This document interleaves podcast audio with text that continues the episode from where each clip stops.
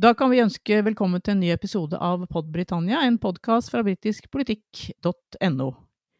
Det er landsmøtesesong i Storbritannia, og det skal vi snakke om i denne episoden. Jeg heter Trine Andersen, og med meg i dag har jeg mine to medredaktører, Erik Mustad og Øyvind Brattberg. We shall never surrender. The pride in who we are is not a part of our past. It defines our present and our future. The people of Scotland have spoken. England, Scotland, Wales, Northern Ireland, together, taking us forward, unleashing the potential of the whole country. Ja, Labour avsluttet sitt landsmøte i, i Brighton uh, i går onsdag.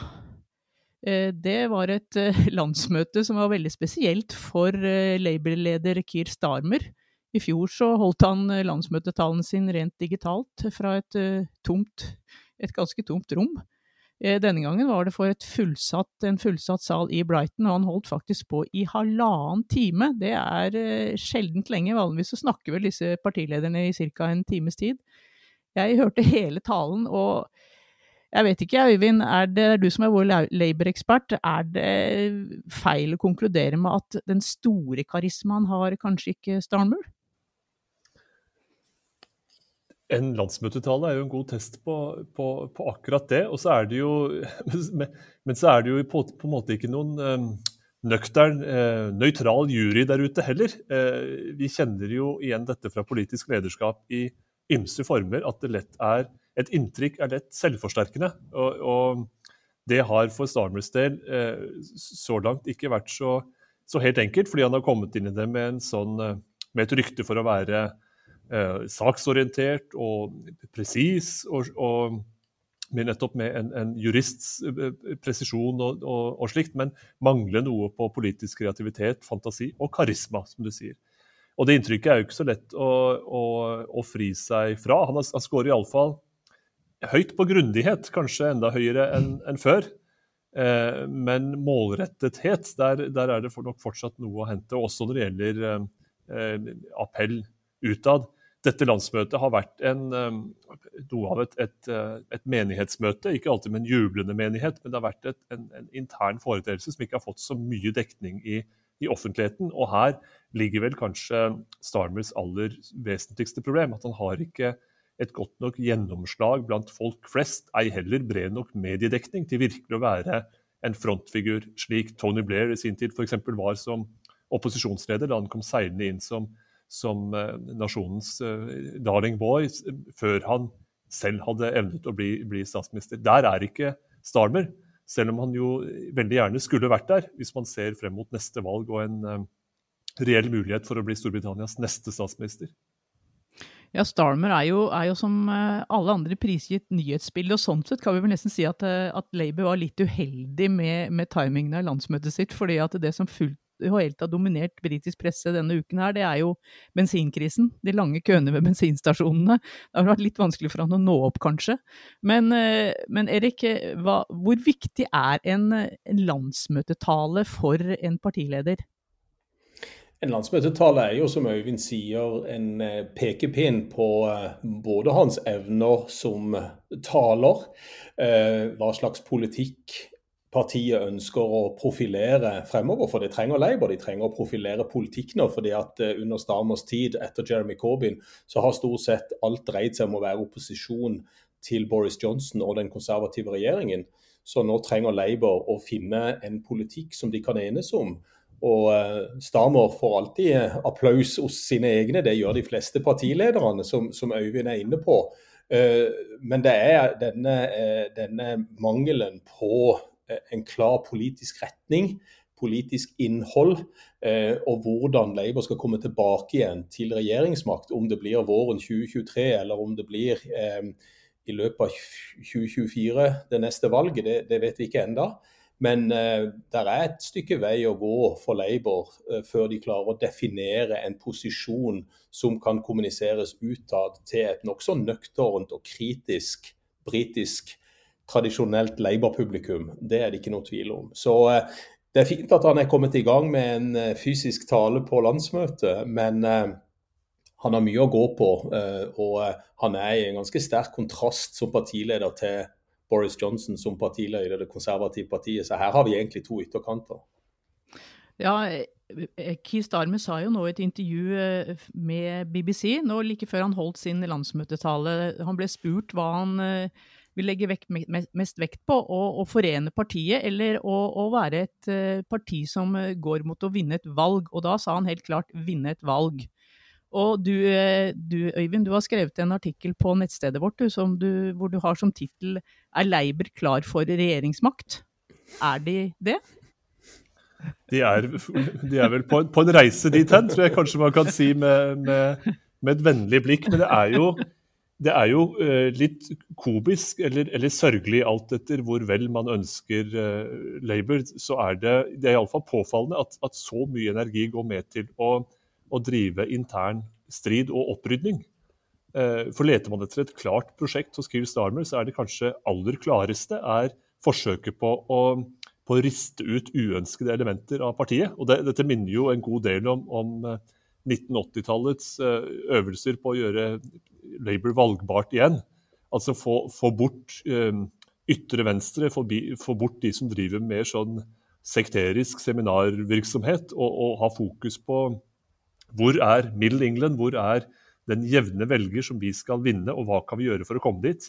Vel, noe av det vi må gjøre, er å, å bli kvitt en del av renkespillet, en del av, av gruffet, en del av de synspunktene som er helt på avveie sammenlignet med hvor, eh, hvor, hvor, den jevne velger befinner seg. Og Her ligger mye av, av fokuset hos Starmer også. En del av det handlet om å bli kvitt det ryktet for antisemittisme, jødehat, som, som preget Jeremy Corbyns eh, tid som partileder, og andre ekstremsynspunkter, rett og slett, og få ristet de ut. Eh, og, og, også få gjort noe med prosedyrer internt i partiet som gjør at den type elementer får minst mulig innflytelse.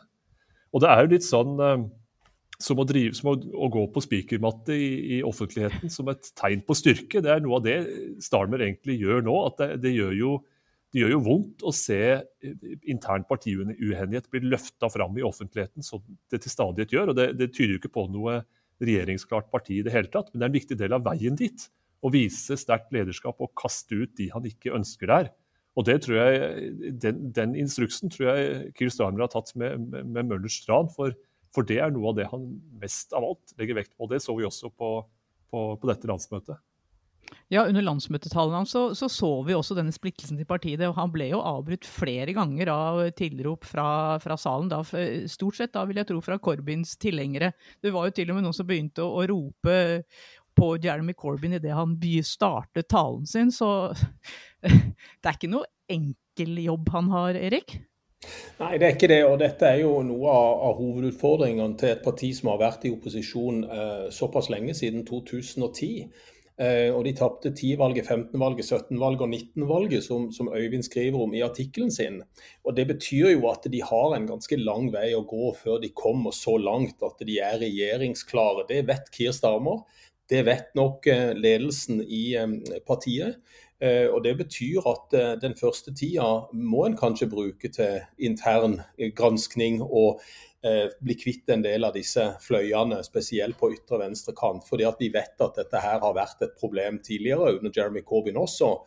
Eh, hvor de var kanskje mer interessert i å føre en viss type ideologi enn å vinne tilstrekkelige velgere til å vinne et valg. Og Hvis Keir Starmer nå ønsker å vinne et valg og få Labour tilbake i posisjon, så virker det for meg som han ønsker å bevege seg inn mot sentrum, der Tony Blair og Gordon Brown befant seg, spesielt i sosialpolitikken. Men han tør ikke helt å si det ennå. Og han tør ikke helt å ta det fullstendig klare oppgjøret med Corbyns venstreside. Eh, og at han bruker litt tid på å gjøre det, det kan være greit. Men vi vet ikke helt om det er sentrum-venstre-posisjonen han ønsker å innta på den politiske aksen i britisk politikk ennå. Her er det jo uh, veldig interessant. Uh, under, under uh, Corbyns tid som partileder så, så, var det jo mange som sa at, at dette, det er jo ikke sånn at historien gjentar seg. Dette er ikke det samme trøbbelet som partiet har drevet med før. At man har en sånn gærninger på ytre venstre som, som aldri kan få til noe. Dette er faktisk en, en, ny tid, og Corbyns lederskap og verdier kommer til å treffe bare vent. Men så virker det som noen år seinere, nå med, med, Starmer, at historien faktisk gjentar seg. Det som eh, Corbyn har representert, er mye av det samme gærne venstre som, som man har sett før. Og opprydningen som Starmer driver med, er mye av den samme opprydningen som, som uh, Neil Kinnock, daværende partileder, drev med på, på 80-tallet. Dere fulgte jo den tiden mye mer enn uh, en meg. Jeg var yngste laget den gang. Trine, har du no, noen idé om, om den historiske parallellen holder? Er, er, man der man den gang var? Og, og, kan det også bety at de er tilbake mot eh, de, de, driver, de, bygger noe som kan ligne på det som til syvende og sist ble Blair og Brown 90-tallet? Hvor, hvor, gangbar er parallellen? Du Øyvind, den ballen der, den, den, den, tror jeg faktisk jeg bare må sparke videre til, til Erik. jeg. Ja, For oss som var student på 80-tallet og begynte å følge med på Storbritannia under, under Thatcher-tiåret, så så vi jo en Neil Kinnock som til stadighet ble tilsidesatt av Thatcher i Underhuset i heftige debatter. Og eh, jo mer til veggs Neil Kinnock eh, ble satt, jo rødere ble han jo i sitt walisiske ansikt. Eh, og eh, vi, vi, husker at eh, det var eh, mye ransaking i den første fasen av moderniseringsprosessen til Labour. Og Neil Kinnock syns jeg absolutt kan være en parallell her til Kier Starmer. Han har en del fellestrekk synes jeg, med, med Kier Starmer eh, i forhold til eh, både personlighet, politiker og hva han er opptatt av. Eh, og så er det en del paralleller i partiet. Corbyn, eh, som var den tidligere lederen av Labour, kom jo inn i, i eh, parlamentet i 1983, eh, for øvrig sammen med Blair og, og, og Brown. Og Det betydde jo at, at, vi gikk gjennom en ganske lang moderniseringsprosess i Labour, som, som du sa, Øyvind, og som kulminerte i, i eh, Blair som partileder etter hvert i 1994. Eh, spørsmålet er om vi kommer dit igjen, om historien gjentar seg i forhold til akkurat de siste fasene her, i en slags remodernisering av Labour. Det er litt tidlig å si. Eh, en ser kanskje ikke de samme trekkene i den konservative regjeringen som vi så i Margaret Thatchers konservative regjering, selv om det er en del likheter i, i, internt i Labour. Men at, at det er noen prosesser som må foregå i Labour uh, før man kan komme dit hen at man har et regjeringsklart parti. Uh, det tok jo 18 år for Labour uh, den gang å komme tilbake igjen i 1997. Da hadde de vært ute av kontorene i, i 18 år. Og nå er vi altså på det 11., snart 12. året med konservative regjeringer igjen. Så vi får se om eh, historien gjentar seg og Labour har muligheten til å komme tilbake. Ja, tror du det, Øyvind? Nå har jo Johnson sagt at han tar mål av seg til å, å sitte like lenge som, som, statsminister som Margaret Thatcher, altså i elleve år, var det vel hun satt? Tror du det tar så lang tid før Labour kommer tilbake igjen i, i Downing Street? Det, det, spekuleres jo i at, at uh, Keir Starmer må ses på som en sånn overgangsfigur som kan gjøre et, uh, et hardt gjenoppbyggingsarbeid, og så vil en, uh, en, et, en, ung, frisk og frimodig politiker komme inn som hans etterfølger, slik Tony Blair gjorde det i 1994, og bygge på det andre har, har fått etablert i partiet, også storme fram til valgseier. Og Det er et tenkelig scenario, det, et stykke inn på, på 2020-tallet. Det det det er det absolutt. jeg tror at noe av det mest interessante av det han bakser med av utfordringer, er at venstresida i veldig mange europeiske land er jo uh, litt, litt, fragmentert. Smuldret, ikke smuldret bort, men smuldret opp, kanskje. At man har uh, et sosialdemokratisk parti, men så har man også rene urbane sosialister, og man har grønne, og man har ymse litt sånne ulike grupperinger som sammen kan utgjøre en sterk front, slik man har sett i, i både tyske og norske valget denne høsten. I Storbritannia har jo Labour har det, de har det stritt også fordi de må presentere en enhetlig profil for hele venstresiden. For bak partilogoen så er det kjempefragmentert i, i Storbritannia også, men de har ikke muligheten til å fordele seg på flere partier. Gitt den valgordningen de holder seg med, så er det, så er det jo prinsipielt ett parti det handler om for for venstresida, og da både ha tilstrekkelig enhet og samtidig tillate litt sånn knoppskyting og spesialisering i ymse, ymse retninger. Det, den oppgaven sliter Keir Starmer med, og, og, det er et litt sånn tegn i tiden at det, det er vanskelig å, å, få alle til å vandre i flokk, i hvert fall det som ligger til venstre for uh, sentrum i politikken. Nå skal vi snakke litt her også om de konservative som samles til landsmøte i Manchester på, på søndag. Keir Starmer eh, betegnet jo faktisk eh, Boris Johnson i sin tale. Han snakket, om, snakket, litt om ham og sa at han er jo egentlig bare en showman. Han har, ikke, han har levert brexit, men noe annet har, noen annen politikk har han ikke, ikke, vist at han eh, kommer til å føre. Men Erik, hvor sterkt står egentlig Boris Johnson nå i Det konservative partiet? Han har jo nettopp gjort store endringer i, i regjeringen sin. Det virker som disse endringene uh, som ble gjort nå for noen uker siden, er for å styrke han sjøl og sin egen eh, skal vi si, base i partiet. Han ønsker å ha folk som er lojale til seg selv, uh, og ønsker å ha folk som er lojale til kona si. Vi vet jo at det har vært stridigheter i Downing Street med staben der. Vi har snakka om Dominic Cummings tidligere. Det har vært andre som har måttet tatt sin hatt og gå. Så det virker som Boris Johnson knepper til et par hakk nå eh, for å prøve å få disse mest lojale statsrådene så tett på seg sjøl som mulig. Og Vi vet jo, som Kier Stamer også sier, at Boris Johnson ikke er en, en politiker som uh, nødvendigvis er så kunnskapsrik når det gjelder politikk, ei, ei heller sin egen politikk. Og at han er avhengig av å ha folk rundt seg som kan drive politisk utvikling og så kan han stå der og være sirkusdirektøren eh, og ta applausen og fjolle og tøyse og tulle. Eh, men så kan vi jo like eller ikke like det. Men eh, han har jo holdt en popularitet på meningsmålingene, tross alt. Også i store deler av de tradisjonelle Labour-områdene. Og så er det jo sånn i topartisystemet også at veldig ofte den enes død er den andres brød. Og Vi så jo i 2019-valget at Boris Johnson vant veldig mange av disse eh, tradisjonelle Labour-valgkretsene i Nord-England. Og Disse må jo Stamer vinne tilbake igjen, eh, hvis han skal ha i det hele tatt sjanse til å, å, vinne et valg neste gang. Så Boris Johnson eh, elsker og hater, eh, også internt i partiet. Så lenge de, såpass, eh, de leder såpass på meningsmålingene som de har gjort, hvis en ser fra valget i 2019 og fram til i dag, så har Labour hoppa opp noen prosentpoeng, så har de gått tilbake noen prosentpoeng. Mens de konservative ligger ganske stabilt, altså. Eh, og dette er midt i en pandemi hvor de har måttet tåle en masse kritikk for måten de har håndtert pandemien på. Eh, Labour har ikke klatra vesentlig opp. Eh, og, og, det er jo et tankekors for Kier Starmer, og nok kanskje en hvilepute for Boris Johnson. Det er jo det mest påfallende som eh, britiske kommentatorer og også valgforskere peker på. At eh, britiske velgere de straffer jo ikke det konservative partiet. I hvert fall gjør de det i veldig liten grad. Selv der det dukker opp eh, ene skandalen etter den andre og, og villfarne statsråder og, og sånt, så er det en stor del av velgerne som bevarer trua på prosjektet sånn overordnet, og partiet framfor alt. Eh, helt eh, overordna. Og det er jo litt sånn den historiske rollen til konservative partier har vært også at det er det naturlige regjeringspartiet i mange henseende, og det er de andre som har bevisbyrden på, på sine skuldre. Jeg tror det er litt det bildet man ser, eh, man ser gjenspeilt i, i, dag også. Men her er det også en historisk eh, sammenligning å trekke på, Erik. For eh, hvis man tenker gjenoppbygging av Labour og vei tilbake til regjeringsmakten, så krever det også et konservativt parti som etter hvert mister grepet, holdt jeg på å si.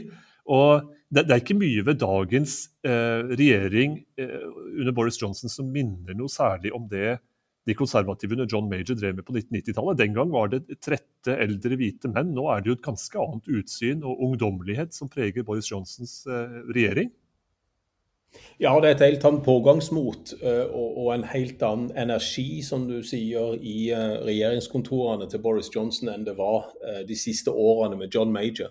Men John Major tok jo også over etter elleve år med Margaret Thatcher, så det var jo et parti som var slitent og trøtt i 1997, da Blair kom seilende inn. Men det som er interessant her, det er jo som du nevnte tidligere, at Keir Starmer kanskje i Labour blir sett på som denne ryddegutten, og så kommer der en ung kvinne eller mann og stormer inn på toppen her og, og eh, vinner neste valg med bravur. Men da må det skje noe i det konservative partiet, og det må skje noe med oppslutninga til det konservative partiet. Fordi at de er ikke i nærheten av der de var uh, mot, eh, mot slutten av 96 og begynnelsen av 97, eh, 1997, da, da, Tony Blair vant så klart for Labour. Så Det konservative partiet ser annerledes ut i dag, selv om de har sittet ved makten så lenge som de faktisk har. Eh, så er det jo skjedd et generasjonsskifte også i forhold til hva slags politikere som styrer det konservative partiet i dag. Eh, og de eh, vil være fit for power, som vi sier på nynorsk, i flere år fremover. Eh, og Derfor så tror jeg også at, eh, at Keir Starmer skal, skal, få store problemer med å, å, rigge Labour i en slik posisjon at de blir en reell utfordrer. Eh, og Det er kanskje det store problemet. Nettopp den oppfatninga av at det er de konservative som turer frem. Og det er Labour som hele tida må bevise at de er klare for regjeringsmakt og fortjener å styre. For hvis ikke, så styrer de konservative.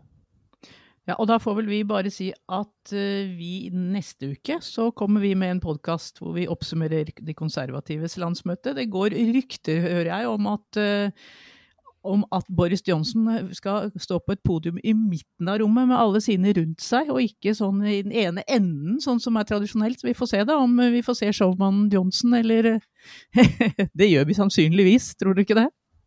Jo da, det er nok mye sirkus rundt denne partikonferansen også. Manesjen skal alltid være i sentrum for, for publikum, så det passer nok også her. Det gjør det garantert.